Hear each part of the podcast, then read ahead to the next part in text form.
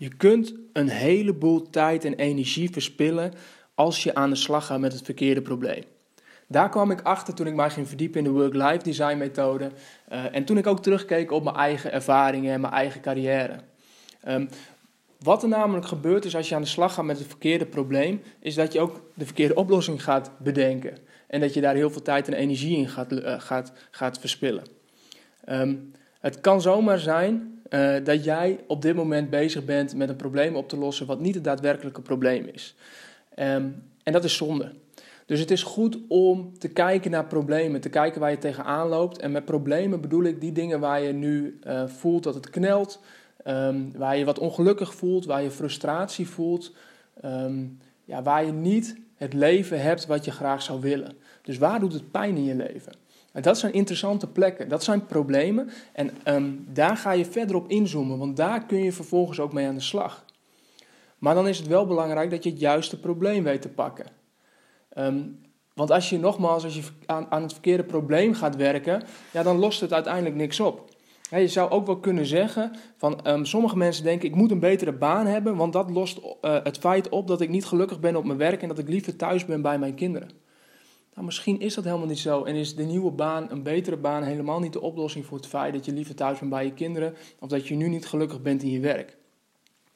Het is, het is heel interessant om te kijken wat zit erachter.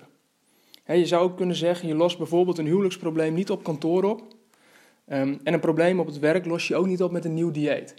Nou, dat is vrij vanzelfsprekend en toch zul je merken, en kom ik vaak tegen, dat we um, dingen proberen op te lossen door het verkeerde probleem aan te pakken. Nou, dat is wel interessant, want dat is zonde van je tijd. En het, los je, het, het, het, het levert je ook te weinig op. Nou, als ik kijk naar mijn eigen leven, een voorbeeld uit mijn eigen leven daarin, is dat ik bijvoorbeeld uh, na mijn afgestudeerde ben ik gestart bij een callcenterbedrijf. Um, maar tegelijk ook met de ambitie en de droom om mijn eigen bedrijf te starten. Dus ik begon één dag in de week als eigen zelfstandig ondernemer, ging ik coachen en trainen. En daarnaast deed ik vier dagen per week, um, werkte ik in een callcenter. En dan moet je je voorstellen dat ik dan een headset op had, klantenservicewerk deed. Um, uh, en daarbuiten, dus in mijn eigen tijd, was ik druk aan het coachen en trainen. Het probleem destijds wat ik dacht, um, wat ik had, want ik, had, ik ging met weinig plezier, kan ik je vertellen, uh, uh, naar het callcenterwerk. Um, maar het probleem was dat ik dacht, ik moet eerst zorgen dat ik voldoende inkomen haal uit die ene dag. Dan kan ik na twee dagen, dan kan ik na drie dagen en zo bouw ik het verder op tot ik straks een hele week met mijn eigen business aan de slag kan gaan en daar ook voldoende inkomen en zekerheid uithaal. uithaal. Um, ik dacht dat dat mijn probleem was. Dus inkomen, niet genoeg opdracht op dit moment om die stap te maken. En pas dus met als gevolg dat ik dacht, pas als ik dat doe, kan ik ook het callcenterwerk loslaten. En kan ik die headset van mijn hoofd afzetten en kan ik weer door datgene doen wat ik het allerleukste vind om te doen. En daar zet ik mezelf eigenlijk behoorlijk in vast. Want het zorgde ervoor dat ik twee jaar lang um, met tegenzin en frustratie een headset op mijn hoofd heb gezet. En werk heb gedaan waar ik weinig energie van kreeg. Tot een laatste moment dat ik echt dacht van nou, dit wil ik echt niet langer. En pas toen, pas toen ging ik zien dat ik eigenlijk continu bezig was met het verkeerde probleem aan het oplossen. Want wat ik ontdekte is dat mijn grootste probleem was dat mijn werk wat ik buiten het callcenter deed, het coachen en trainen, waar ik zoveel energie van kreeg, wat ik met zoveel plezier deed, waar ik, waar ik heel veel uit leerde, waar ik, ja, wat, ik, wat, wat ik gewoon met een grote glimlach op mijn gezicht deed. Um, dat gat met wat ik vervolgens deed in een callcenterwerk, dat, dat was zo groot. En daar zat mijn hele grote energielek. Dus eigenlijk het werkinhoudelijke gedeelte lag veel te ver van elkaar af. Dus het callcenterwerk, um, de klantenservice medewerker zijn, um, dat paste totaal niet bij mijn ambitie. Uh, en toen ik dat ging zien, werd de vraag veel interessanter.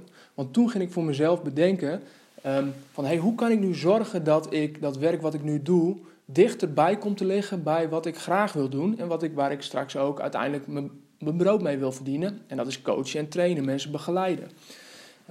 Toen ik dat ging bedenken, werd in één keer het probleem anders voor mij. En zag ik veel meer mogelijkheden en opties.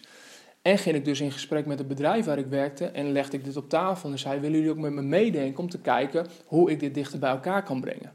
Nou, lang verhaal kort, uiteindelijk lukte het mij om stappen te maken binnen dat bedrijf en kreeg ik mijn energie weer terug, wat ook weer een positief effect had voor mijn eigen business.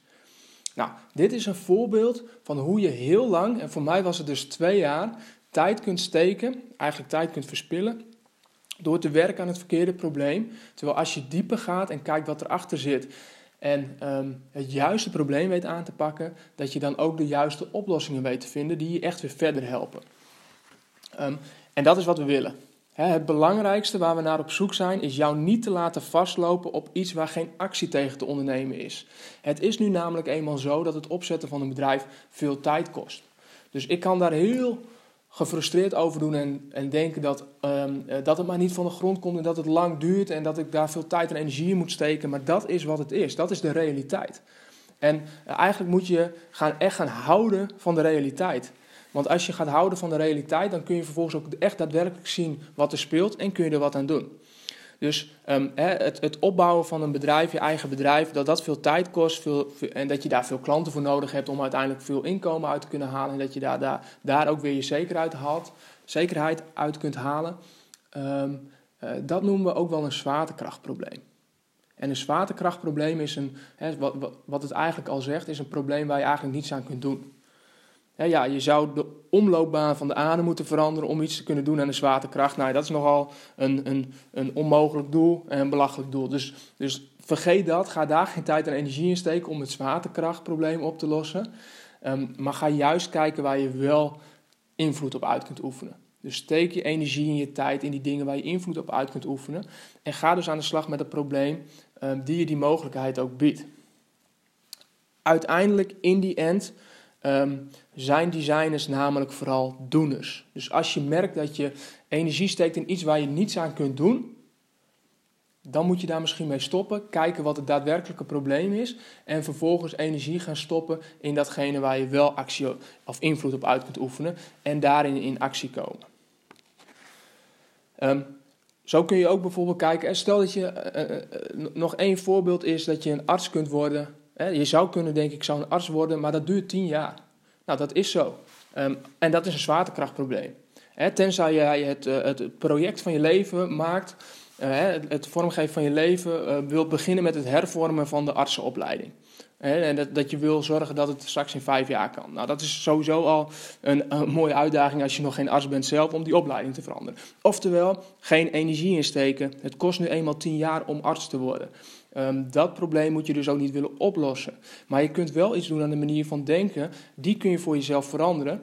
En je kan bijvoorbeeld bedenken dat um, um, uh, er andere, moment, andere mogelijkheden zijn om dat te kunnen gaan doen wat je wil doen. Dus als je. Uh, je kan een andere route kiezen. Je kan bijvoorbeeld assistent van een arts worden en een heleboel doen wat dokters doen, maar dan met een fractie van de opleidingstijd en de studiekosten die het kost zodat je al wel datgene kunt gaan doen, zonder dat je probeert om een probleem op te lossen dat je niet kunt oplossen, want het duurt nu eenmaal zo lang. Hè, of je kan aan de slag gaan met preventieprogramma's. Um, hè, dan zit je al wel in die gezondheidshoek. Uh, uh, dus dan, dan, dan ben je dus invloed aan het uitoefenen op iets waar je ook invloed op hebt. Oftewel, waar het op neerkomt, is dat je niet vastloopt op iets waarop je niet daadwerkelijk invloed kunt uitoefenen. Zoek het juiste probleem, zoek welk, wat, jij, um, wat het daadwerkelijke probleem is en ga vervolgens aan de slag met iets waar je ook actie op kunt in, uh, uitoefenen, dus waar je mee aan de slag kunt gaan. Nou, dat was het voor nu. Ga op zoek naar je probleem, ga ook genieten van je probleem. Um, ga dat als een leuk proces zien. En ik snap wel dat het niet prettig is om te kijken waar zit het knelpunt, waar zit die frustratie. Maar ik beloof je, het levert je ontzettend veel op om te ontdekken waar echt het probleem zit. Zodat je ook de echte en de juiste oplossing kunt vinden. En het, en het leven kunt creëren en vormgeven zoals jij dat graag wil. Heel veel succes en tot de volgende keer.